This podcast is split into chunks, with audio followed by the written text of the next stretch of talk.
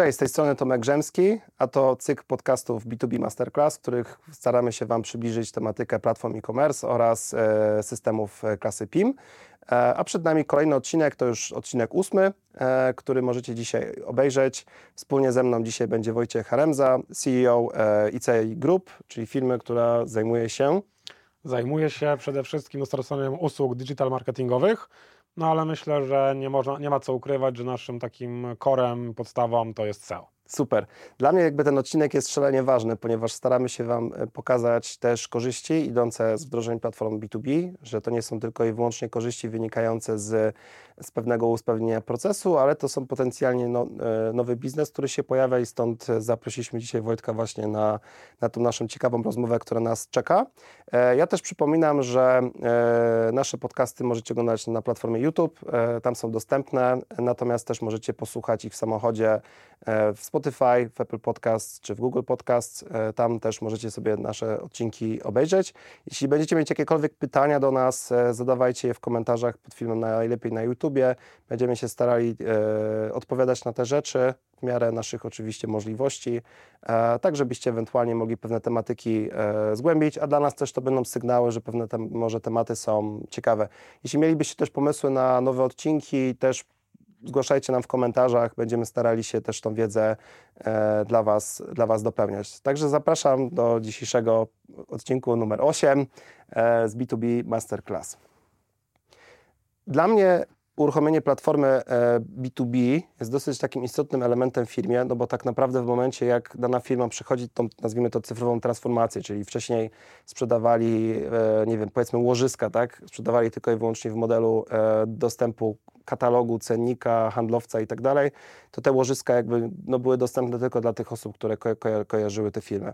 W momencie, kiedy jakby dochodzimy do punktu odpalenia platformy B2B, czyli w tym momencie e, staje się ta platforma online, jakby w dwóch modelach, modelu takim zalogowanym, zamkniętym, gdzie trzeba się zalogować, zarejestrować, lub w modelu otwartym, że są pewne informacje widoczne, to to powoduje mm, tak naprawdę potencjalne nowe możliwości biznesu. Jakby z Twojej perspektywy też klientów, których obsługujecie, jakie te nowe właśnie korzyści mogą być? Mm, okej, okay, to już odpowiem na to pytanie, tylko jeszcze się przywitam z naszymi widzami. Mhm. E, dzięki wszystkim, że jesteście i słuchacie. E, Tomek tutaj chyba dwa razy podkreślił, że będzie ciekawa rozmowa, tak. więc wysoko nam poprzeczkę postawiłeś tak. tym wszystkim. Ale jest będziemy... to ciekawa, bo nieoczywista, o, o, to... muszę powiedzieć. Znaczy nieoczywista dlatego, że to jest rzecz według mnie pomijalna we wdrożeniach platform B2B. No to prawda, e, a niesłusznie pomijalna. Tak bo naprawdę dużo z tego można wyciągnąć. E, ty pytasz o korzyści, które mogą płynąć z otwarcia tej platformy. No ja myślę, że e, taką korzyścią, która najbardziej przemawia do każdego, to jest, e, że tak powiem, taczka złota, którą mhm. można sobie do firmy zwieść z tego kanału. Ja przyglądałem się statystykom specjalnie przed tą naszą rozmową, bo też chciałem się w to B2B bardziej zagłębić od strony takiej biznesowej i gospodarki. Mhm. E, no i faktycznie te liczby są, no nie wiem czy zaskakujące, ale dla mnie były na pewno ciekawe, mhm. interesujące. No bo każdemu e-commerce w ogóle kojarzy się z B2C. Tak to jest. pierwsze, co słyszysz, to mówisz B2C. Tak? tak. Kupię sobie coś przez internet, żeby tak nie stać w kolejce w sklepie. E, no ale okazuje się, że ten e-commerce B2B jest pięciokrotnie większym rynkiem niż e-commerce B2C. Więc to już pokazuje niesamowitą, e, no niesamowitą, e, niesamowity potencjał. Jest. Bo jeżeli e-commerce e, B2C jest wyceniany na około 17-18 bilionów, no to jeżeli teraz pięciokrotnością tego jest B2B, e-commerce, no to wow, jest po co się schylić. Który też nie jest tak mocno skanibalizowany, czyli może nie skanibalizowany, ale skanałowany w dużych marketplace'ach. Tak, dokładnie. Bo, bo B2C bo, bo duża takich... część jest w dużych marketplace'ach tak naprawdę, Tak, nie? to też, też ciekawa obserwacja i na pewno się z tym zgodzę. No i jeszcze, żeby podkreślić może wartości tych, tych mnożników, o których mówiłem, e, no to statista też mówi o tym, że faktycznie przed 2020 rokiem tylko około 8% transakcji B2B było realizowanych przez platformy e-commerce'owe. Mhm. E, w 2023 roku jest to 17%. Więc musimy mówić o tym, że jest to 17% tylko, a już to jest 5 razy więcej niż cały e-commerce B2C. Tak. E, no i raczej spodziewamy się wszyscy, że ten procent 17 będzie rósł no i pewnie dobije e, dość wysoko. Są też ciekawe badania, chyba z jakiegoś statu, nie chcę teraz już okay. pomylić, żeby nie wprowadzić błąd, ale tam były takie szalone predykcje w 2020 roku, że w 2025 to 80% transakcji będzie na platformach e-commerce'owych. Na to bym raczej nie liczył, tak bo to jest za dużo, tak. ale jednak y, jakiś trend się tam rysuje, który mówi jasno o tym, że to będzie tendencja wzrostowa i ja się wcale nie dziwię. Tak, tym bardziej, że się dzieje, dzieje, się kilka rzeczy, nie? bo pierwsza rzecz, która się dzieje, to jest tak naprawdę często jakby skracanie łańcucha dostawy tak, między producentem a końcowym klientem, czyli pomijanie czasami łańcucha mhm. tych, tych, tych pośredniczących. A druga rzecz, że my przecież jako użytkownicy e-commerce'u jesteśmy przyzwyczajeni do pewnych rodzajów zachowań. Lud pokolenie X, Z to już w ogóle coraz mniej chcą rozmawiać, coraz bardziej chcą pisać, więc siłą rzeczy wieku produktywnym jest dzisiaj więcej osób, którzy chcą korzystać z e-commerce'u i, i, korzystają z niego na co dzień, niż nie korzystają, tak? Więc dlatego ta przewaga konkurencyjna, która często się pojawia, to może się okazać, że ja już przestaję kupować w tej firmie, bo oni nie mają platformy B2B, a ci mają i ci mają stany magazynowe ceny, a tu muszę zawsze zadzwonić, zapytać i, i nie wiadomo na kiedy to będzie. Nie? Dokładnie tak. No i też e, weź pod uwagę to, że przy standardowym handlowaniu B2B na katalogach, no to kiedy ty możesz dokonać transakcji? Nie mniej więcej 8 do 16. I jak handlowiec ma dobry humor. Tak, jak handlowiec ma dobry humor, ale nadal jest ograniczony tymi 8 godzinami, tak kiedy ten handlowiec pracuje. Tak jest. E, a no ja na przykład, mój tryb życia sprawia, że ja nigdy w życiu nie miałbym w tych godzinach czasu na zrobienie takich, e, takiego zamówienia. Ja kiedyś podawałem taki przykład, jak miałem w podcaście z Tipejem, rozmawiałem z Martą i tam był taki case, który podawałem, to jest kwestia restauratorów, nie? że mhm. bardzo często jest tak, że restauratorzy wsiadają do platform B2B na koniec jakby pracy, 22, 23 żeby zamówić towar, który im zszedł, albo za, wcześniej rano, gdzie faktycznie zaczynają po prostu przygotowywać dzień. Tak. E, i, I to jest moment, w którym przedstawiciel powinien być de facto dostępny, a często nie jest. I zresztą najczęściej nie jest. Restaurator nie chce z nim rozmawiać o 23, bo potrzebuje zamówić tam 12 sztuk, nie wiem, wina, 10 sztuk, nie wiem, makaronu. Wiadomo, ilości są większe, tak, ale, ale co do zasady. No dobra, ale słuchaj, w takim razie tak, no powiedzmy, że uruchamiamy B2B, przyjmijmy proste założenie, że ten katalog jest otwarty, tak? No, czyli on zaczyna się pojawiać w Google. E, I tak naprawdę mówiliśmy to o tej taczce złota, tak? która się potencjalnie pojawia. E, jakie to w ogóle możliwości otwiera dla takich firm, tak? które no. działały wcześniej w B2B, wiesz, targi, e, nie wiem, programy lojalnościowe dla klientów, wiesz, parasole, jakieś tam cuda na Q i tak dalej i nagle się pojawia kwestia właśnie, że no już mamy tą platformę B2B, właśnie jakie to możliwości też w kontekście takich firm jak wy właśnie tak, e, znaczy, pojawiają, Tak, bo nie? tutaj e, ja bym e, troszeczkę cofnął tą rozmowę może o pół kroku. Dobra. E, z tego względu, że to różnie bywa z tym otwartym katalogiem, mhm. bo jest bardzo wiele firm e, i B2B, e, które sprzedają e-commerce'owo, też nasi klienci, którzy na przykład nie mają tej polityki otwartego katalogu, mimo że mają platformę B2B. I w pewnym sensie zrozumiałe, to jest kwestia no, podejścia biznesowego, strategii marketingowej, no bo często zdarza się tak, że nawet ktoś, kto prowadzi platformę B2B e-commerce'ową, mimo wszystko ma część klientów, dla których ma inne ceny. Mhm. One mogą być wyższe albo niższe, tak różnie to bywa, ale jeżeli on udostępni ten katalog publicznie, no to ta tajemnica znika, no i wszyscy wszystko wiedzą i nagle pojawia się pewien problem, nie? Dlaczego ja płaciłem zawsze dwa złote więcej za coś tam? Znaczy ja tylko już powiem, tylko może dopowiem naszym, naszym słuchaczom, że my, jeśli staramy, są platformy B2B, które są otwarte, najczęściej ceny są cennikowe, mhm. e, stany naj, najczęściej są ukrywane, możliwość tutaj do koszyka jest niedostępna lub czasami jest tak. dostępna, ale jakby no, ukrywane są te rzeczy, takie tak, warunki tak. handlowe, nie? Tak, dokładnie tak. E, ale jeżeli ceny się tam pojawiają właśnie, no to pojawia się już gdzieś tam e, pewien problem. Mhm. E, samo otwarcie katalogu, który nie ma w ogóle cen podanych, tutaj robi się pewien problem, bo pozycjonowanie w wyszukiwarce może być tutaj utrudnione. Mhm. Ale tutaj, co ciekawe, samo Google przychodzi nam z pomocą.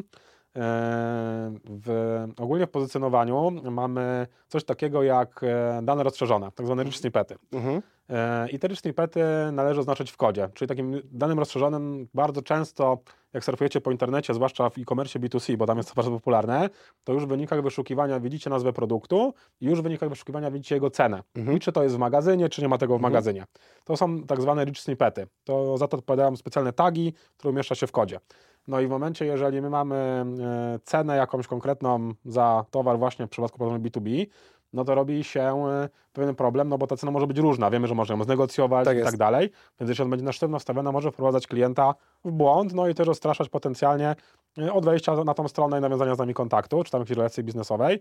Dlatego jest bardzo fajna opcja price range, czyli możemy tam podać od do. Mhm. Więc nawet możemy sobie podać sytuację, gdzie mamy, jak dajmy na to jakiś tam, o makaronie, o którym już wspomniałeś, Tak. przy, e, przyczepmy się do tego restauratora, no i może być pana cena od 2 zł do 20 zł. No i wtedy jest to już sensowne, no bo każdy rozumie, aha, jak kupię dużo, no to będzie taniej, jak kupię mniej, będzie drożej.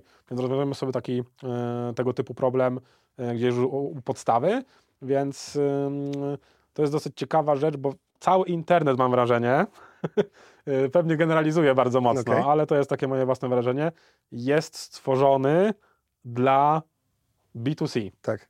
Wszystko jest pod klienta tam zrobione, pod, jedną, pod jed, jedną personę, że tak powiem, i pod innego człowieka, a nie pod firmy. Ale są narzędzia, które dostarczają nam giganci technologiczni, które można wykorzystać w nieoczywisty sposób. O, tu widzę, mamy słowo klucz e, e, co do rozmowy złapane, które można wykorzystać, żeby zwiększyć potencjał platformy B2B e, i fajnie móc na tym zarabiać. Okej. Yy, I w troszeczkę teraz powracając do wszystko zależy od tego, czy mam ten otwarty katalog, czy nie mam otwartego katalogu, bo nawet z zamkniętym katalogiem B2B da się bardzo fajnie pracować pozycjonersko. Yy, Tutaj nie ma jakby problemu, ale w momencie, że ten katalog jest w ogóle otwarty, no to w ogóle jesteśmy bardzo mocno w domu. Yy, I tutaj potencjał jest olbrzymi, no bo możemy się pozycjonować na wszystko, co mamy w naszym hurcie dostępne. Najczęściej hurtownie mają bardzo szerokie asortymenty, często szersze niż nawet B2C e, sklepy. Więc e, właściwie każdy produkt, który w tym katalogu mamy, to jest fraza, na którą możemy się pojawić w wyszukiwarce. I to możemy się na niej pojawić wysoko.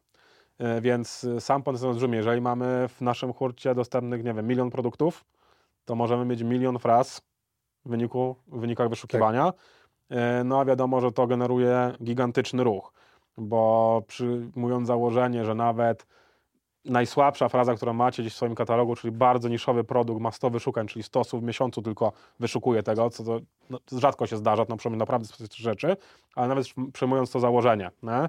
jeżeli macie milion produktów, każdy z tych produktów jest szukany 100 razy miesięcznie, no to już mamy olbrzymią wartość 800 milionów, tak? Tak. Yy, i z tych 800 milionów, jeżeli będziemy gdzieś tam w top 10 w wynikach wyszukiwania, no to pojawia się yy, klikalność w te wyniki. To jest CTR. CTR to jest yy, taki skrót, który mówi po prostu o tym, ile osób, które zobaczyło wasz wynik w wynikach wyszukiwania, kliknęło w ten wynik Mhm. wyszukiwania. No i te CTR-y się bardzo różnią w zależności od pozycji i tak dalej, ale uśredniając nawet w najgorszym wypadku, że te, C- te CTR średni będzie nosił 5% na tych frazach, Okej. no to jest, to jest ten ruch, który wy wtłoczycie na swoją platformę B2B. Bo to może być nazwa produktu, to może być SKU, to może być jakiś EAN, to może być jakiś Do, opis. dokładnie nie? Tak. jest- No, tutaj trzeba zwrócić bardzo mocną uwagę i tutaj e, to jest troszeczkę taki slogan, który my używamy e, w agencji bezpośrednio, że nie spotkaliśmy jeszcze dwóch takich samych klientów. I to jest prawda, bo bardzo wiele produktów, na przykład, e, no tutaj nie mogę akurat wymienić nazwy domeny, ale e, to była też hurtownia B2B e, filtrów do dzbanków Mhm. przelewowych na wodę. E, No i tam było bardzo dużo oczywiście oryginalnych e, filtrów typu DAF i tak dalej, Mhm. e, ale było też bardzo dużo zamienników. I e, właścicielowi tego biznesu zależało głównie na tym, żeby kupować zamienniki. Mhm. I to było dosyć e, duże wyzwanie, no bo każdy kojarzy ten e, filtr, te najważniejsze, które no masz polecane. Tak, tak, tak. I tam faktycznie zagrało głównie SKU, bo okazało się, że ci klienci najczęściej pisują jednak SKU, a nie nazwę y, samego filtra. No i wystarczyło wprowadzić sytuację taką, że mamy kartę produktu z naszym zamiennikiem, no i piszemy, jest to doskonały zamiennik dla SKU takiego i takiego. I już byliśmy w stanie łapać e, ten ruch bardzo fajnie. Mhm. Także tutaj strategii może być bardzo dużo, wszystko zależy od tego, z czym dokładnie mamy do czynienia i jak bardzo te produkty są komplementarne wobec siebie, bo to też jest e, ważny aspekt całego biznesu B2B, czyli podpowiadanie Twoim klientom, co oni jeszcze mogliby u Ciebie kupić, a sami o tym nie pomyśleli. To jest e, podobny, e, podobny model jak w B2C, no bo często jest tak, że nie wiem, kupujesz rower przez internet, no i Mhm. polecam Ci, dobra, to jeszcze kup sobie lampkę, Tak jest. dzwonek i bidon. Y, I na początku ty o tym nie pomyślisz w sumie, ale nawet jeśli pomyślisz, to mówisz, a kiedyś sobie tam kupię. No ale jak już mi polecają, jeszcze fajna promocja, no to od razu dorzucę. No i podobnie jest w kwestii B2B, bo jeżeli ktoś na przykład, nie wiem, kupuje dajmy na to ten makaron, tak, o którym mówiliśmy, tak, tak, tak. to może warto polecić mu też pomidory w puszce. Bo na pewno do no, makaronu bardzo często używa się pomidorów w puszce, więc może będzie potrzebował, może nawet jeszcze dzisiaj nie myśli o tym, ale jak stwierdzić, kurczę, skoro tanio, długi termin ważności, to sobie tego nakupuje, bo przy okazji bo w pakiecie będzie taniej. Tak, bo w pakiecie nie? będzie taniej. E, także to są te mechanizmy, które należy koniecznie wykorzystywać. E, to jest moja taka główna porada dla właściwie właścicieli biznesów B2B e, komersowych bierzcie przykład z B2C, bo tam jest mnóstwo świetnych rozwiązań. Od 20 lat ludzie nad tym pracują. Często też klienci B2C, czy znaczy, którzy mają, prowadzą sklepy B2C, też muszą gdzieś te produkty kupować, nie? Tak, dokładnie, więc y, to jest wszystko, mm, wszystko powiązane, więc warto się wzorować na rozwiązaniach właśnie tak, bo też miałem takie czasy, bo kiedyś były takie czasy, że to się nazywało platforma zamówień i to musiało być brzydkie, to musiało być, wiesz, wszystko w tabelkach i tak dalej, gdzie nie było, wiesz, cross-sellu, upsellu, nie było faktycznie informacji produktowej, nie było żadnych informacji tak naprawdę, to była po prostu pla e, platforma zamówień. Ale wiesz co, wracając do tego tematu SEO, ja też zawsze powtarzam, że oprócz samego katalogu produktów, który się pojawia na poziomie y, platform B2B, ważnym aspektem jest baza wiedzy eksperckiej, która z kolei działa podejrzewam, znaczy ja wiem, że tak jest, ale tak. Tak, znaczy ona działa na bardzo wiele aspektów, tak jak baza wiedzy, bo z jednej strony ta baza wiedzy daje Ci możliwość e, no, pozycjonowania się na frazy powiązane z daną mhm. tematyką, bo jeżeli ktoś e, dzisiaj szuka już, dajmy na to, w hurcie e, rur FI12 mhm. do montażu sanitariatów, no to wiemy, że to jest y, specjalista w tej dziedzinie, który, który wie, co potrzebuje. Ale jest taki, może być specjalista, który stwierdza, kurczę, zawsze kupowałem FIT 12 jakiejś tam firmy tak. i one coś przestają dobrze działać. Co chwilę mam awarię, mhm. pęka, źle to się łączy, więc szukam nowego rozwiązania. I jeżeli ktoś szuka nowego rozwiązania, to nasza baza wiedzy jest już miejscem, którego on może trafić z poziomu wyników wyszukiwania i zapoznać się z nowym asortymentem, który może u nas kupić. E, więc e, robienie ruchu z e, samych fraz związanych z produktami to jest jedno. Dwa, to jest właśnie baza wiedzy i z jednej strony, tak mówię, to bardzo mocno wpływa na budowanie widoczności pod kątem takim zapytań, czyli tematyczności związanej z daną frazą, a z drugiej strony też trzeba pamiętać o tym, że ta baza wiedzy to jest coś, co może wykorzystać Twój klient. Mhm. To jest coś, co mu dajesz dodatkowo, to jest pewnego rodzaju bonus. Podobnie jak w sytuacjach producentów. Jeżeli producent wytwarza jakiś produkt, ty go kupujesz, to automatycznie udostępnia ci opis tego produktu. Czy on jest zły, dobry, jak mhm. działa na SEO, to jest inna, inna kwestia, ale dostajesz to na start. Gdybyś ty miał kupić, nie wiem, tysiąc sukienek hurtem i jeszcze każdy potem, każdą z nich opisać, bo wiesz, że opis musi być, no to już masz problem. Jeżeli dasz ten opis, no to klient jest zadowolony, bo już coś ma. Mhm. I podobnie jest z bazą wiedzy, którą bardzo często ci y, klienci wykorzystują później u siebie, parafrazują ją, wykorzystują to po prostu w pracy potem ze swoimi klientami już. Mhm. E, I to jest ta wartość y, bardzo mocno dodana.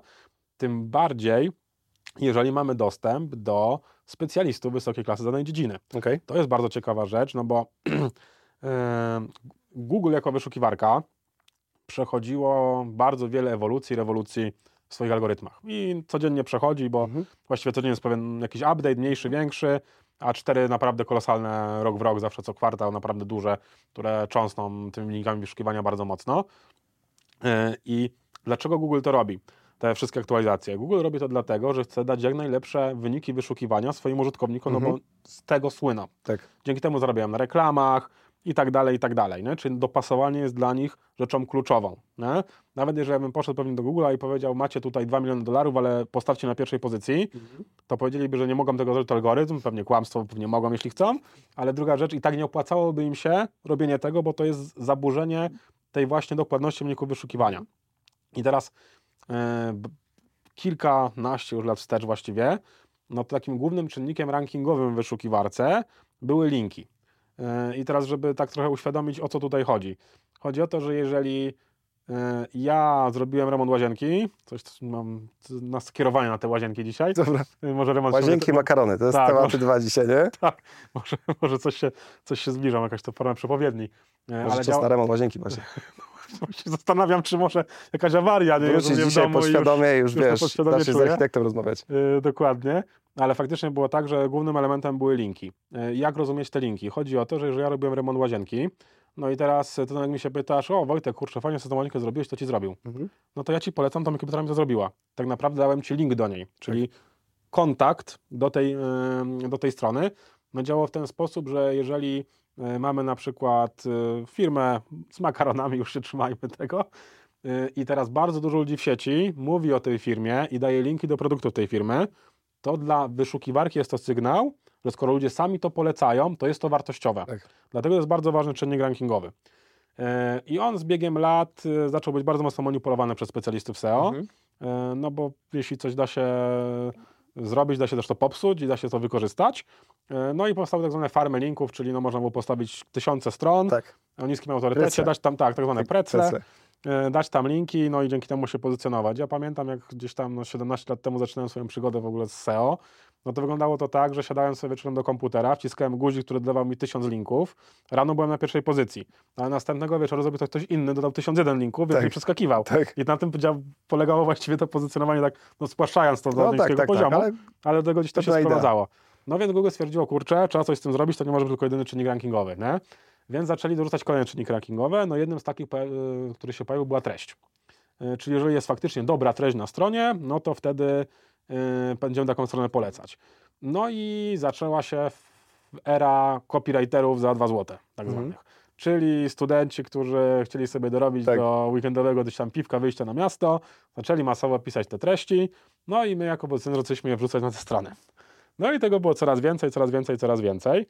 Yy, gdzie zaczęliśmy zamiast na ilość linków ścigać się na ilość kontentu na stronie. Czyli ktoś miał 10 tysięcy znaków, no to ja będę miał 15 tysięcy.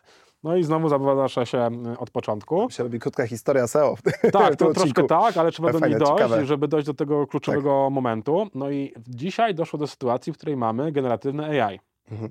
yy, O którym pewnie wielu ludzi jeszcze sobie nie zdaje sprawy, co jest szokujące, ale nadal ale to jest. Tak. Czyli ten copywriter za 2 zł tak zwany już nawet nie jest potrzebny, bo to generatywne AI samo wypluje mi nieskończone ilości treści. Tak. I niezależnie ile ja mam czasu i tak dalej, mogę tylko porobić po prostu kolosalne ilości. I to bardzo fajnie widać na przykładzie chociażby właśnie stron z naszej branży, która jest branżą B2B, jakby nie Mhm. było, no bo y, agencja SEO no to jest y, branża do, do biznesu. Tak. No i y, to polecam sobie zobaczyć taki śmieszny eksperyment, jeśli macie oczywiście czas i ochotę. Wejdźcie sobie na frazę pozycjonowanie, zobaczcie agencje, które są y, w topie. No to pierwsza będzie miała 100 tysięcy znaków treści na Mhm. jednej stronie tylko. Druga będzie miała 90, trzecia 200 tysięcy, a za chwilę będą miały po milion. Chodzi tak, jest jeden si- single page, gdzie jest po prostu Dokładnie. bardzo... Nawet nie da się tego przeczytać, bo Mhm. ta treść nie niesie żadnej wartości za sobą, po prostu ma być, bo skoro Google promowało ilość treści, Tak, tak, no tak. to my robimy to, co Google y, promuje. No i znowu zrobił się odwrót Google, bo stwierdzi, kurczę, to jest droga donikąd. Odcinamy sobie kolejne źródło rankingowania tych stron i oceniania ich, więc stwierdzili, że wpro- wprowadzili już jakiś czas temu taki algorytm EAT. Czyli głównie chodzi o to, żeby e, strona miała duży autorytet, e, była wartościowa, Mhm. e, no i e, zaufana. Mhm. To są takie jakby podstawowe trzy elementy, niby proste, ale jak to osiągnąć. Tak. E, No więc wszyscy się starali jakoś z tym walczyć, poprawiali te treści, żeby były lepsze, może trochę minimalnie krótsze, bardziej treściwe. E, No i doszliśmy do momentu, gdzie już w ogóle stwierdziło, jak już generatywne AI poszło live dla wszystkich w formie czata GPT, że dość, e, to jest koniec tej zabawy i bardzo mocno stawiają na te treści, które mają autorytet. Czyli musisz mieć tam kogoś, kto się zna na tym, o czym pisze. Mhm. Jeżeli masz na, nie wiem, blogu medycznym wpis autor bloga, który o czymś pisze, a wpis profesor jakiś tam ze specjalizacją w tej w tej dziedzinie, to dla Google'a tam, gdzie jest ten profesor, to będzie znacznie bardziej wartościowe. Mhm. E, I to jest... Ale e, też to musi być profesor rzeczywisty, bo też to Tak. było sprawdzi, a nie, że tam... E, tak, dokładnie. Profesor musi być rzeczywisty i to z tego też wynika, że Google sobie sprawdzi tylko tego profesora, zobaczy jakie miał publikacje i zacznie go w klastry pakować. Czyli aha, on faktycznie zrobił, ma nie wiem, z 20 PDF-ów, prace magisterskie, jakieś tam prace naukowe w czasopismach i on zaczyna klastrować wiedzę tego profesora w konkretne klastry. Czyli jeżeli ten człowiek będzie pisał o tym i o tym, to znaczy, że to jest prawda. A jeżeli napisze o tym i o tym, to niekoniecznie. To jest, mam wrażenie, mam nadzieję, że profesor Dragal się tam mnie tutaj nie obrazi, bo uważam, że jest genialnym e, fizykiem i to uwielbiam go słuchać, ale czasami jeśli zbacza na tematy, które nie są związane z jego główną dziedziną, to już niekoniecznie trzeba się z nim zgodzić. I psuje artykuły swoje, potencjalnie Tak, w SEO. tak, Google go dokładnie. wtedy zaniży. Tak, dokładnie. I wtedy, wtedy no, jego autorytet w kwestii, nie wiem, religii czy gospodarki, Mhm. no nie oszukujmy się, no, nie jest duży. Tak. W fizyce kwantowej tak, słuchajmy go i Tak, uczmy się, tak. ale w innych dziedzinach niekoniecznie, także Google sobie to klastruje. I teraz bardzo fajna y, jest rzecz, dochodząc do tego naszego y, tematu, że jeżeli macie bazę wiedzy, macie dostęp do wielu specjalistów, a bardzo często hurtownie mają dostęp do tych specjalistów, Mhm. y, to jeżeli faktycznie ten bazę wiedzy podpiszecie faktycznymi specjalistami, którzy zajmują się tymi rzeczami, to tym bardziej macie szansę rankować bardzo Mhm. bardzo wysoko i macie olbrzymią szansę, że dostaniecie dużo linków, dlatego że nawet ci wasi klienci, którzy kupią te rzeczy, będą linkowali do waszej bazy wiedzy swoich klientów. Więc y, macie synergię tych dwóch najważniejszych algorytmów, czyli kontentu i linków, zawartą w jednym rozwiązaniu bazy wiedzy, która jest zrobiona oczywiście z głową, bo to trzeba zrobić z głową i z ludźmi, którzy faktycznie będą w stanie tą wiedzę profesjonalnie przekazać. A też dodam, że w odcinku odnośnie e, czy handlowiec, przedstawiciel handlowy straci pracę, jakby patrzymy na to, że naszym e, kli, klient powinien być obsługiwany nie już przez przedstawiciela, ale doradcę, który też jest często przedstawicielem handlowym, tak?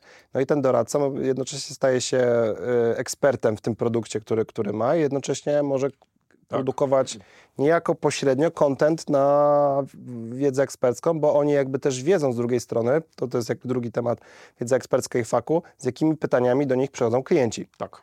E, z jednej strony to potem usprawnia też samą obsługę klienta. pewną automatyzację też tak naprawdę tej, te, tego procesu klienta, Mm. skrócanie go, nie? Oczywiście, że tak. No. Ja, mi się wydaje, że tutaj trzeba sobie już, myślałem, że trochę na, bardziej przy końcu dojdziemy do tej konkluzji, ale to trzeba po prostu powiedzieć, że to nie jest tak, że jest SEO, jest marketing, są adsy, jest handel. To nie jest tak, że to są oddzielnych 10 pokoików, do których wchodzimy po Mhm. konkretne rzeczy. To jest tak naprawdę jeden wielgachny pokój, w którym wszyscy musimy wiedzieć, co robimy i po co to robimy, żeby uzyskiwać efekty w różnych obszarach, które na pierwszy rzut oka nie są oczywiste, no bo to by pomyślał, że na pierwszy rzut oka, y, że poprawienie procesu sprzedaży, przez to, że zrobimy FAK, sprawi nagle, że będziemy wysoko w wynikach wyszukiwania. Tak. Y, A to jest rzeczywistość, tylko trzeba zrobić to dobrze, nie tylko wyłącznie po tego klienta, y, który pyta, ale też pomyśleć o tym, żeby faktycznie podpisać pod odpowiedzią właśnie jakiś ekspert, za, zapisać ją tak, żeby była dobrze pod wyniki wyszukiwania zrobiona i już możemy korzystać z tego bardzo w wielu, e, na, na wielu płaszczyznach z jednej rzeczy, którą zrobimy.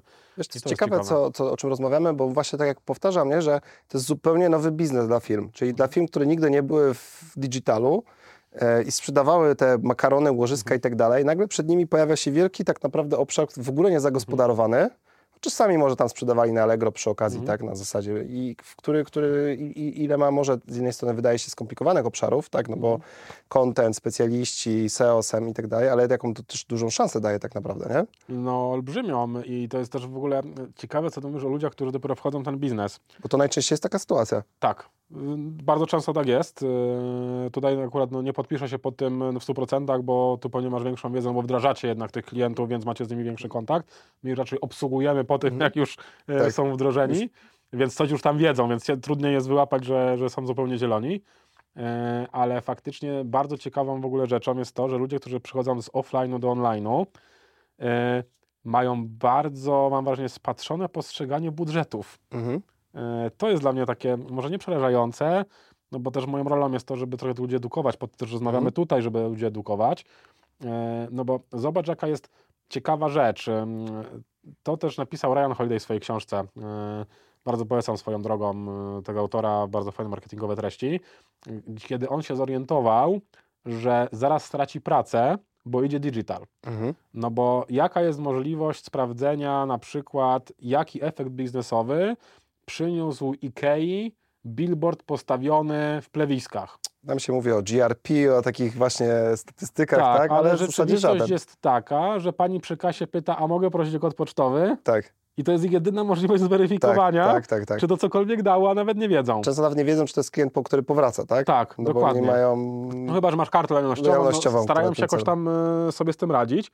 A wiesz, no w digitalu to wszystko możesz każdą złotówkę prześledzić, która poszła, gdzie, na Cały co. flow, dokładnie. Tak, ile, ile na tym zarobiłeś. No i teraz przechodzimy do kwestii budżetowej, bo zobacz, gdybyś ty był początkującym e, przedsiębiorcą branży B2B, ale z kapitałem, no bo jakiś kapitał trzeba mieć. No i teraz dostajesz dwie opcje. Tomek, zrobimy ci SEO, nie? albo Tomek, zrób sobie reklamę na głównej stronie, dajmy na to TVN24. Mhm.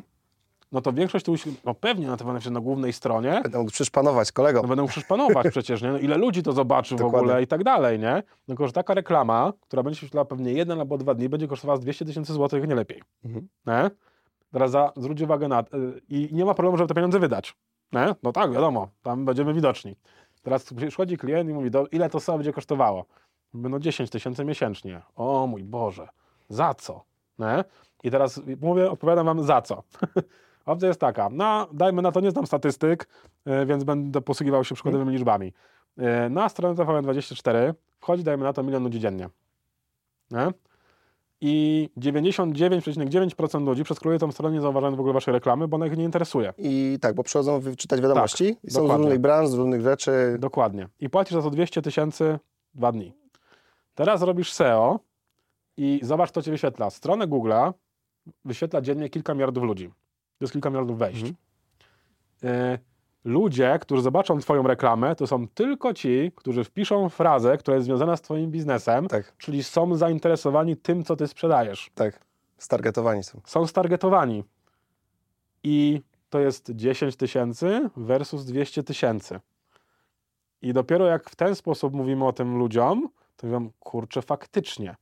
No bo ja to jestem z tej starej szkoły, gdzie to trzeba kupić w pięciu gazetach reklamę, Billboardy na autostradzie. billboard na autostradzie i najlepiej naklejki jeszcze gdzieś tam Tak. y, przy miejscach, gdzie są korki. Tak, tak, tak. Nie? I dopiero oni sobie stwierdzą, kurczę, faktycznie, to 10 tysięcy na miesiąc, czyli 120 rocznie, jest zdecydowanie więcej warte niż danie tych 200 tysięcy, no chyba, że tym, twoim głównym celem jest pochwalenie się kumplom, nie? Mhm. No to wtedy trudno dyskutować. No tak. No, te, tego Wtedy się argumentu boksu sponsoruje. tak, tego argumentu nie, nie, nie przebijemy, Mhm. ale jeżeli chodzi o czysty sens, czystą sensowność biznesową, no to trzeba na to patrzeć w ten sposób, że Google to nie jest tylko walka o to, żeby mieć pierwszą, drugą, trzecią, czwartą pozycję. To jest walka o ekspozycję Mhm. w najpopularniejszym portalu internetowym na świecie. de facto. Słucham? Permanentną. Tak, permanentą. y, Nie jest, która znika tak. po dwóch dniach, nie? Dokładnie. Tylko de facto Permanentną ekspozycję naj, na najpopularniejszym portalu internetowym na całym świecie, który ma 96% rynku w Polsce, 98% rynku w Stanach Zjednoczonych i tak dalej, i tak dalej. Jedyne tutaj no, Czechy są tą e, taką plamą w Europie, no bo w Czechach Google ma chyba dopiero około 60-70, Mhm. y, a przez bardzo wiele lat miał mniej niż tam 20-30, Okej. ale to jest specyfika rynku czeskiego akurat. Ciekawe, a kto był największy? Y, Seznam CZ, Okej, bo to jest Seznam to jest taki portal, jak u nas Wirtualna Polska kiedyś była. okej. Y, I pewnie też, jak byłeś znacznie młodszy, to pierwsze wyszukiwanie w Wirtualna internecie Polska. to Wirtualna Polska Tak. i VSprint, który tam był zainstalowany, ale to już tam kwestia techniczna, no to oni mają właśnie Seznama i ten, on, Czesi lubią bardzo, są przywiązani do swoich produktów, Okej. dlatego ten Seznam jest taki, jest taki mocny nadal, ale widać już, że młodzi ludzie, młodzi Czesi, oni już korzystają z. Google'a, bo Mhm. Androidy i tak dalej. Też nie są chyba w stanie nadążyć tak naprawdę w, Tak, na lokalnym rynku za, za, za. Google'a, nie? Dokładnie tak, ale jednak nadal ci y, to, to pokolenie gdzieś tam starsze nadal korzysta głównie ze Seznama i tam nadal y, to Google nie jest takie turbomocne. Nie? Ale to, co mówisz, często to jest związane z, z, z kompetencjami działu marketingu, nie? Bo to często było tak, że wydaje, wydaje, znam ten firmę, które my obsługujemy w B2B i też, też które gdzieś tam znamy, że te działy marketingu były bardziej nastawione na taki, powiedzmy, tradycyjny marketing, tak? Czyli billboard, program lojalnościowy dla tam, nie wiem, instalatorów, monterów, klientów, e, zrobienie na przykład reklamy, nie wiem, w prasie handlowej, w poradniku handlowca i tak dalej. I, one, I to było takie nastawienie, ja bym to bardziej powiedział, wizerunkowe, Mhm. a New Business był u przedstawicieli handlowych, czyli marketing był takim wsparciem z tyłu PR-u firmy, a tam, e, tym, co miał szukać klienta, to był w zasadzie e, przedstawiciele handlowi Tak. i w ogóle działy sprzedaży. One szukały tak naprawdę. Dokładnie tak. A jakby e-com B2B powoduje, że de facto te dwie kompetencje się bardzo łączą ze sobą, tak? No bo czym Mhm. można nazwać na przykład pozycjonowanie serwisu czy reklamę e, semowską w Google? Czy to nie jest działanie trochę, nazwijmy to, przedstawiciela handlowego? W sumie jest, tak? No bo tak. y, ktoś szuka- No, to jest ciekawe, co mówisz, bo na to w ten sposób nie patrzyłem, Mhm. y, ale co zasady tak. No Zdecydowanie bo to tak. jest szukanie klienta de facto, nie? Tak, tylko że no, inną drogą, tak? Inną no, drogą. To, znaczy to też właściwie no, To jest daleko idące jakby myślenie, tak, ale no bo tak... to jest trochę in, to jest inboundowe poszukiwanie klienta, no ten przedstawiciel zawsze był tym outboundem raczej, gdybyśmy to na digital przekładać. Tak, no ale w sumie czy SEM nie jest outboundem trochę? Tak, no to, troszkę jest, znaczy, no, no jest właśnie kwestia, Ja wiem. jest wiele dyskusji, Ja wiem, które wiem, się, ale w toczą. przypadku B2B ja Tak. na to patrzę, że tak, nie? Tak, to jest, y, to jest prawda. Tutaj musiałbym się, Mhm. muszę się, muszę się zgodzić, ale nawet jakoś się nie wstrzymuję przed tą zgodą, bo y, wygląda to, to sensownie, co mówisz i faktycznie tak jest. Mówię o firmach, które jakby wchodzą w to dopiero, nie? Tak naprawdę, nie?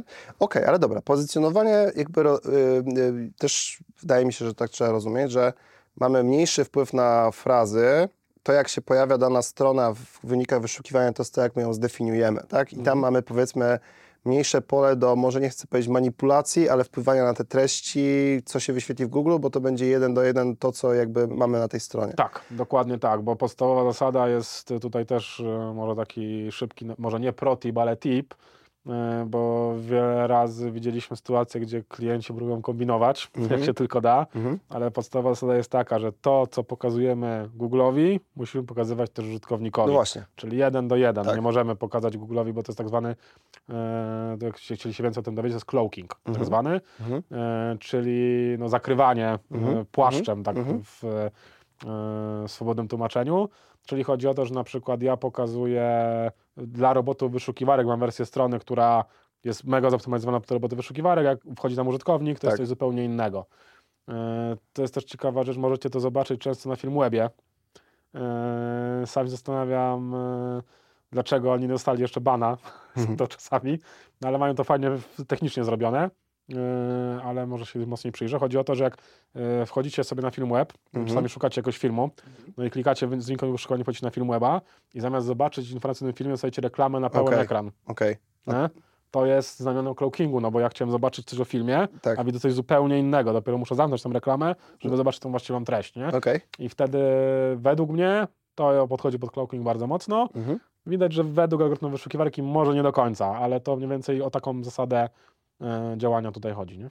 No właśnie, ale, to, ale mamy jakby też drugi sposób dotarcia w wyszukiwarce, czyli cały SEM, który się pojawia, gdzie tak, Tak. naprawdę możemy kreować treść, którą chcemy, która ma Dokładnie. kierować gdzieś, tak? Więc trochę jakbyś o, o całym SEMie mógł opowiedzieć, czy, Okej. yy, Yy. z, z perspektywy właśnie klienta B2B, nie? No, Dobra, to może najpierw koniunktura, no bo z jednej strony SEM to jest jak najbardziej poprawne określenie, Mhm. stosowane od wielu lat, aczkolwiek moglibyśmy tutaj niepotrzebnie wplątać w dyskusję chociażby z pozycjonerami, Mhm. no bo teoretycznie SEO jest częścią SEM-u, no bo SEM Okej. jako Search Engine Marketing to jest cały marketing w wyszukiwarce Okej. internetowej.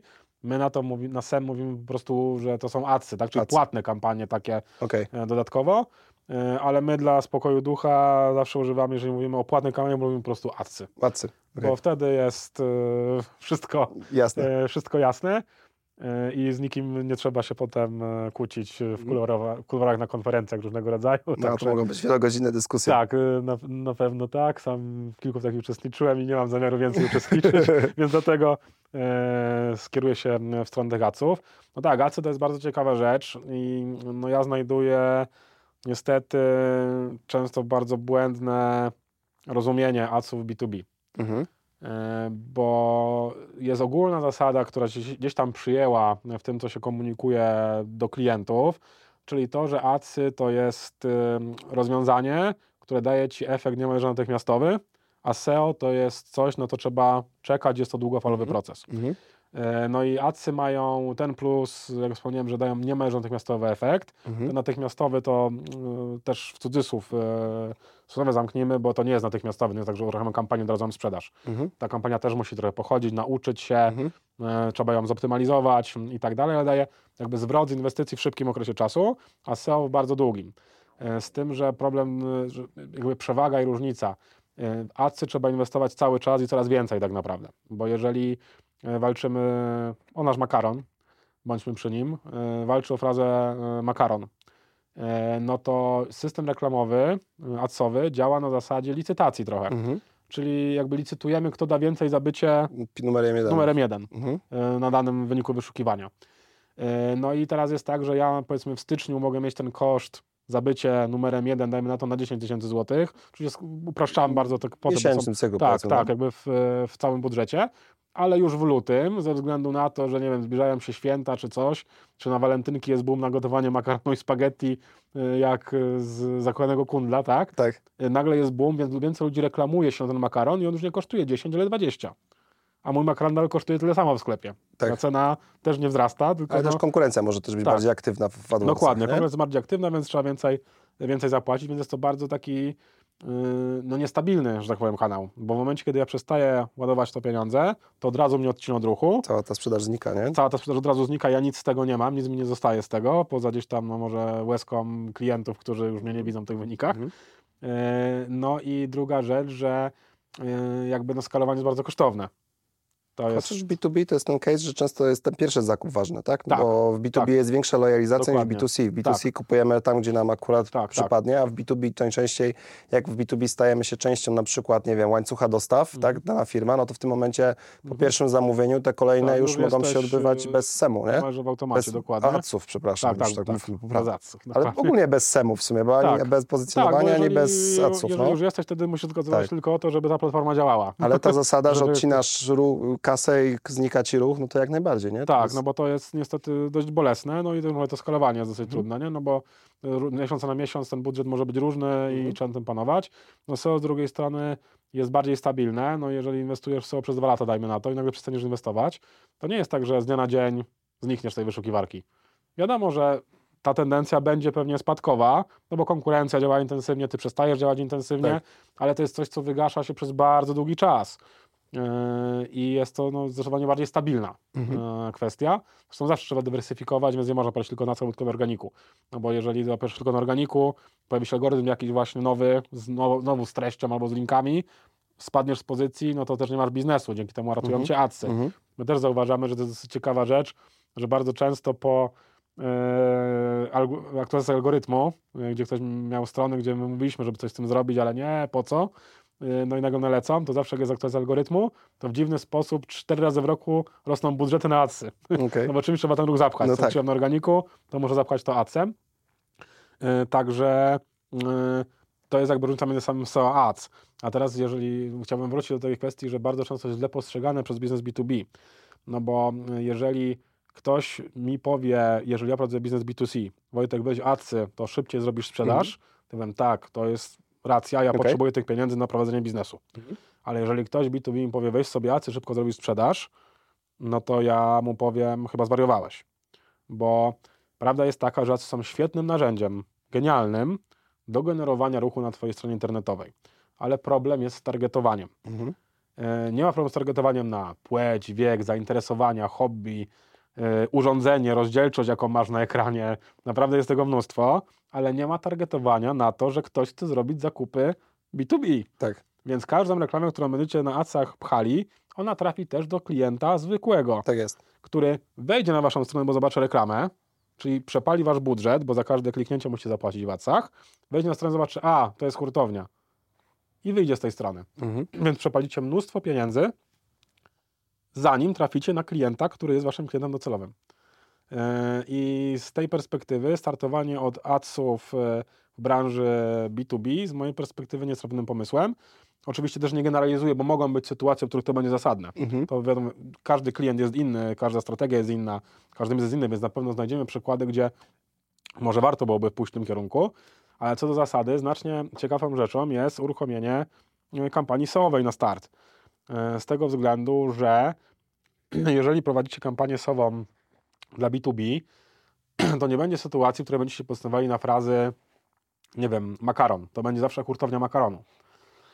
Więc traficie tylko, dotrafią nas tylko ci klienci, którzy faktycznie szukają waszego profilu biznesu, czyli hurtowni albo dostawcy właśnie, właśnie B2B.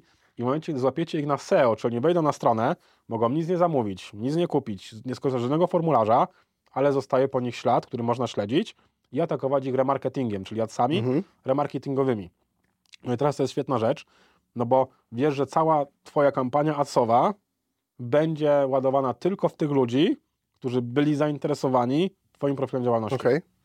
I to już daje niesamowity efekt, efekt gdzieś tam skali, no bo jeżeli, na to mam kampanię adsową, na którą wydaję 50 tysięcy złotych miesięcznie, z czego tylko 1% tych użytkowników to są ci moi klienci, no to jest słabo. Ale jeżeli ja daję 50 tysięcy złotych i 90% tych użytkowników są moi klienci, no to przełożenie jest bardzo duże. Yy, I gdzieś tutaj myślę, że takim przykładem no to może być yy, też ActiveShop, E, Nasz klient to jest hurtownia kosmetyczna. Okej. E, Fryzjerzy, nie tylko, e, salony barberskie Mhm. i tak dalej. No i tam właśnie zastosowana strategia taka, gdzie najpierw były działania SEO-owe po to, żeby zbudować listy marketingowe Okej. i dopiero na te listy marketingowe była puszczona reklama.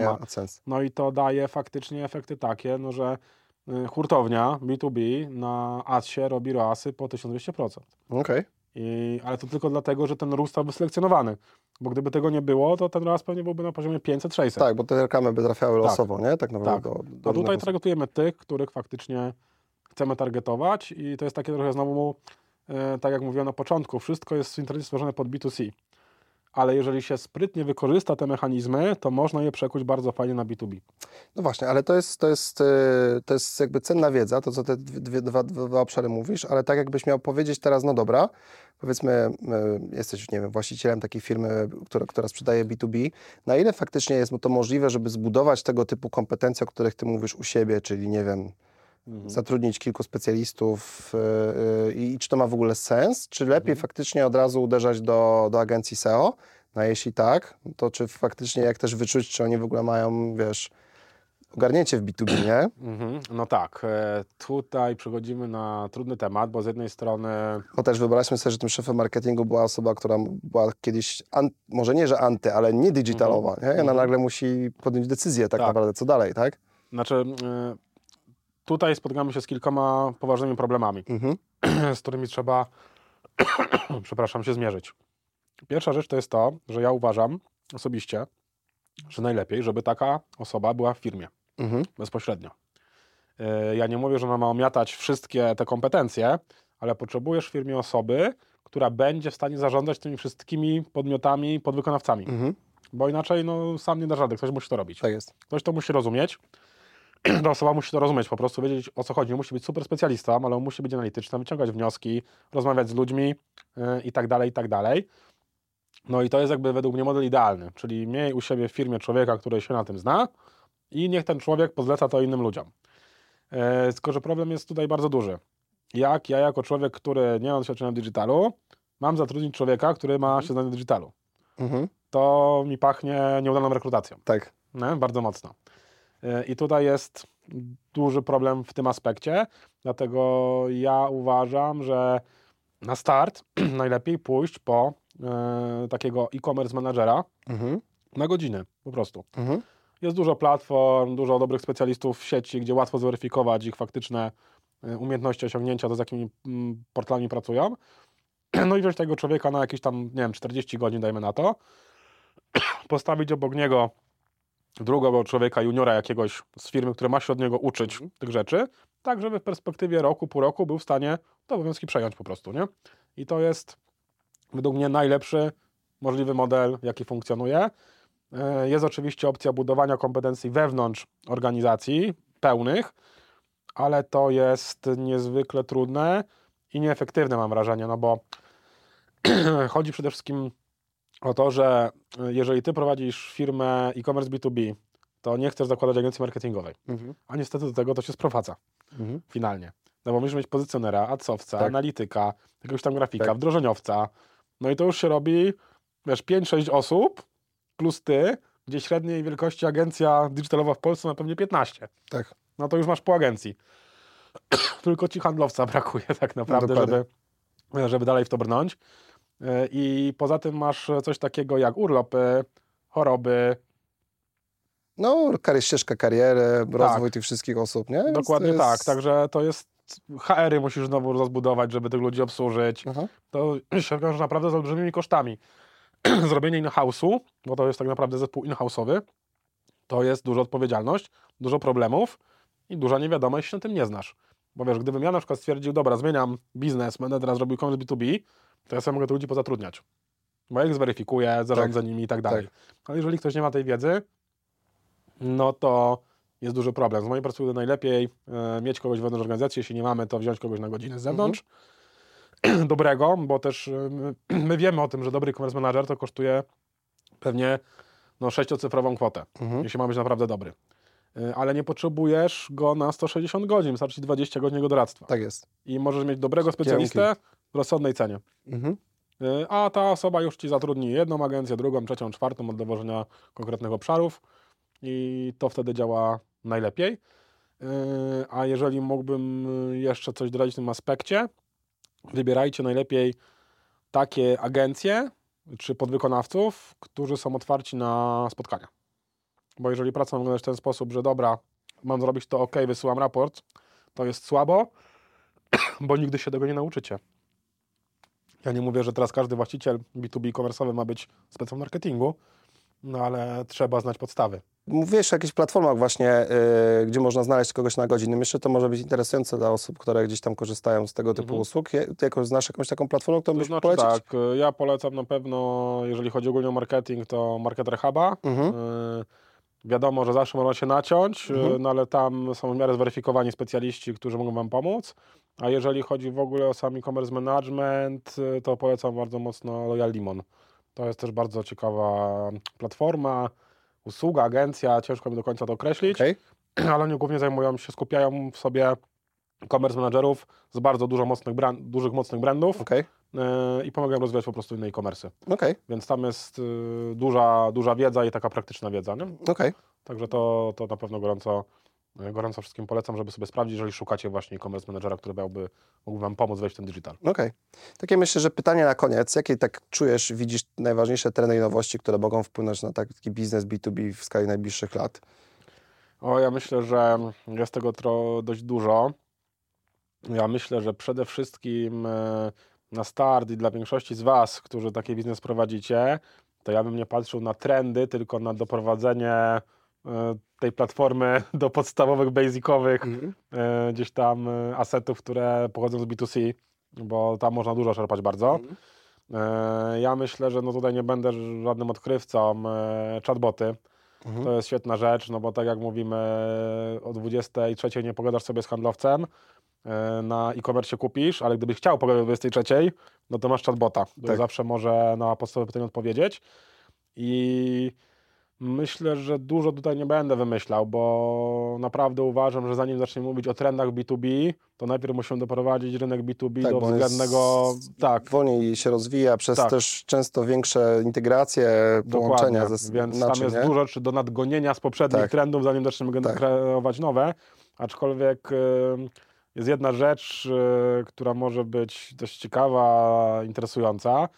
Y, No bo ty mówiłeś o mm, kwestii, ha- czy handlowiec będzie potrzebny, tak? Tak, tak. Czy przedstawiciel handlowy tak. straci pracę? Tak, Takie czy mamy. przedstawiciel handlowy jeden- straci pracę, y, no to to jest dosyć ciekawe, że my się tak troszeczkę mm, taki eksperyment myślowy robiliśmy w stosunku naszej agencji. Mhm. E, ok, czy da się zastąpić handlowca sztuczną inteligencją? Mhm. No bo częściowo się da, wiadomo, że no, to nie jest ten sam efekt i to się Tak. pewnie długo jeszcze nie wydarzy, bo ja na przykład transakcji bardziej lubię relacje niż sam towar. E, Dla mnie to jest ważne, zwłaszcza w B2B e, biznesie, bo ja chcę... Towar może być wadliwy, ale jeśli ja ufam osobie, która mi go dała, to nie ma problemu, bo ja wiem, że za chwilę mi go naprawi, będzie lepiej Mhm. i tak dalej, i tak dalej. E, Ale my się tak śmialiśmy troszkę, dobre, skoro handlowiec ma być jajowy, to dlaczego nie będzie to zakupowiec? No i teraz będzie zderzenie handlowca AI, zakupowca na jajowym. Czas z czatem, dokładnie. Tak, czat z czatem będzie się boksował, ale w trakcie naszej rozmowy właśnie o tym pomyślałem, no bo zobacz, co daje Ci ta platforma e-commerce. Jeżeli do tego dojdzie faktycznie, no to ja jako zakupowiec, który ma rozwiązanie AI-owe, powiem, dobra, znajdź mi w najlepszych cenach, promocjach i tak dalej konkretne asortymenty. AI mi przeskrojpuje cały internet i wyrzuci dane. Jeśli mam platformę B2B e-commerce, bo jeśli jej nie mam, to, nie, tych danych nie, nie ma, znajdzie Nie ma, dokładnie. to pominie cały ten proces, nie? I też go nie wykorzysta na pewno dlatego, że nie będzie miał automatyzacji zakupu, więc nie będzie mógł potem tego kupić. Wiesz, nawet uruchomienie chatbota na stronie internetowej bez bazy wiedzy, spisanej w formie artykułów, też trudno jest uruchomić, tak? No Tak. bo skąd ten algorytm ma tak, wiedzieć, no, jakby, wiedzieć kiedy na co jaki- odpowiadać No I, i, i czym dokładnie, nie? Ale faktycznie uważam, że to jest ciekawa rzecz, bo ja mimo wszystko uważam, że gdzieś tam przyszłościowo rzeczy, których nie lubimy robić, a y, no, nie lubimy robić y, sprzedaży, bo dlaczego jest tak trudno dobrego handlowca? No bo mało ludzi rozumie ideę sprzedaży. I sprzedaż, a jednocześnie jest ekspertem domenowym w tym, Tak. co sprzedaje. Dokładnie. Bo dziś Dlatego- sprzedaje makaron, jutro może sprzedawać łożyska, a pojutrze Tak. może olej silnikowy sprzedawać, tak? Dokładnie, nie? bo tak samo, nie wiem, pani na targowisku y, na Placu Bernardyńskim, ona nie jest handlowcem, Mhm. ale ona jest hodowcą warzyw. Tak. ale, to, ale jej handlowiec wewnętrzny sprawia, że ona od 40 lat jest w stanie się na tym rynku utrzymać, Tak. bo jest w stanie sprzedać ludzie przychodzą dla niej. Czasami marchewka może być gorsza, Ale lepsza, przez- szybsza, prosta. Ale przez to, Ale że też nie relacja- rotuje na tym stanowisku, to wie Tak. wszystko o marchewkach. A dzisiaj Dokładnie. handlowcy rotują cały czas. Tak. e, Dziś tu, jutro tam. Tak, więc to... y, handlowca jest dobrego trudno znaleźć, więc ja uważam, że w przyszłości pewnie zastąpią handlowców rozwiązania jajowe. I tak samo będzie z zakupami, bo jeżeli ja mam kupić sobie, nie wiem, zegarek auto, to chętnie pójdę i to kupię, bo to jest fajna rzecz, ale jeżeli mam kolejny raz jechać, kupić 140 paczek makaronu, ileś tam puszek czegoś i tak, Tak. dalej, no to wolałbym to komuś wydelegować. No tak, ale to z kolei powoduje, że ten świat może się coraz mniej lojalizować, tak? Tak. Czyli, że to, co jest B2B, ta lojalizacja, że zamawiamy zawsze w tym jednym adresie, nie wiem, papier biurowy, Mhm. tak? To teraz No. będzie, że AI będzie za każdym razem podejmował decyzje na podstawie ceny, dostępności, nie wiem, czasu, jakości. Dokładnie tak. Chociaż no tutaj yy, ważnym elementem tego B2B, ja myślę, że o tym też trzeba pamiętać, żebyśmy trochę nie przestraszyli za bardzo tych naszych przedsiębiorców tutaj, no bo B2B to nie jest tylko cena. Mhm. B2B to jest e, pewność łańcucha dostaw, które są Tak jest. Bo Długofalowa. Klient, tak, klient B2C jest zdecydowanie bardziej wymagający niż klient B2B niż klient B2C. Tak. Bo klient B2C, no dobra, dostanie popsute coś, to napisze ci komentarz, tak. a tam Smaruje. e, słabo, dobra, dawaj kasę. I na YouTubie takie ci Tak, film no i strać i napisze ci, już nigdy więcej u Ciebie nie kupię, a Ty patrzysz w historię jego transakcji, kupił coś raz za 12 zł. O Tak. mój Boże, zaraz upadnę. Tak, Ale jeżeli powie Ci to człowiek, który robił Ciebie zakupy na 2 miliony co miesiąc, tak. no to już boli bardzo mocno. I to może doprowadzić do upadku biznesu. Także w e, e-commerce B2B, no to bardziej stabilność systemów e, i tak dalej. Nie? Czyli jeżeli ja chcę wejść o 24.02 w nocy na portal coś kupić, to uruchamiam go, odpala się w ułamek sekundy i wszystko tam działa. Mhm. I jest dostępne. Jest dostępne. To jest podstawa, bo jeśli to nie zadziała, to nieważne, jak miał ceny i całą resztę, to się po prostu nie uda. Super. Wojtek, była to bardzo interesująca rozmowa. Bardzo Ci dziękuję za, za to, że mogłeś się tą wiedzą podzielić. Dziękuję również, bardzo, bardzo przyjemnie tutaj u Was było posiedzieć i porozmawiać. Cieszę się. Słuchajcie, to był odcinek ósmy nasz odnośnie e, w zasadzie reklamowania, tak, można powiedzieć, tej naszej platformy B2B w wyszukiwarce za pomocą SEM, na które składa się SEO i Ads, tak? ads, Teraz tak. mówiliśmy po, bardzo poprawnie. E, zapraszam Was do komentowania e, naszego odcinka i zadawania pytań i też pomysłów na, na przyszłość, w którą stronę mamy iść. E, bardzo Wam dziękujemy. Przypominam, że możecie też nas słuchać w aplikacjach podcastowych. E, no i co, bardzo Wam dziękuję. Życzymy Wam miłego dnia. Wojtek, jeszcze raz dziękuję. Tak, jeszcze raz dziękuję bardzo mocno. Dzięki Tobie, Tomek. e, Dzięki Wam za słuchanie. Gdybyście mieli pytania co do SEO, SEM Ads, to też dawajcie znać w komentarzach. Na pewno Tomek mi to przekaże. No Myślę, i też że grupa IC, jeśli macie case właśnie, Tak. zapraszamy Zapraszamy. do zapraszamy gorąco. E, Także co, rozwijajcie biznesy, nie bójcie się nowości. Digitalnie gryzie, po prostu trzeba go zrozumieć. Dokładnie. Super. Dzięki bardzo. Dzięki wielkie.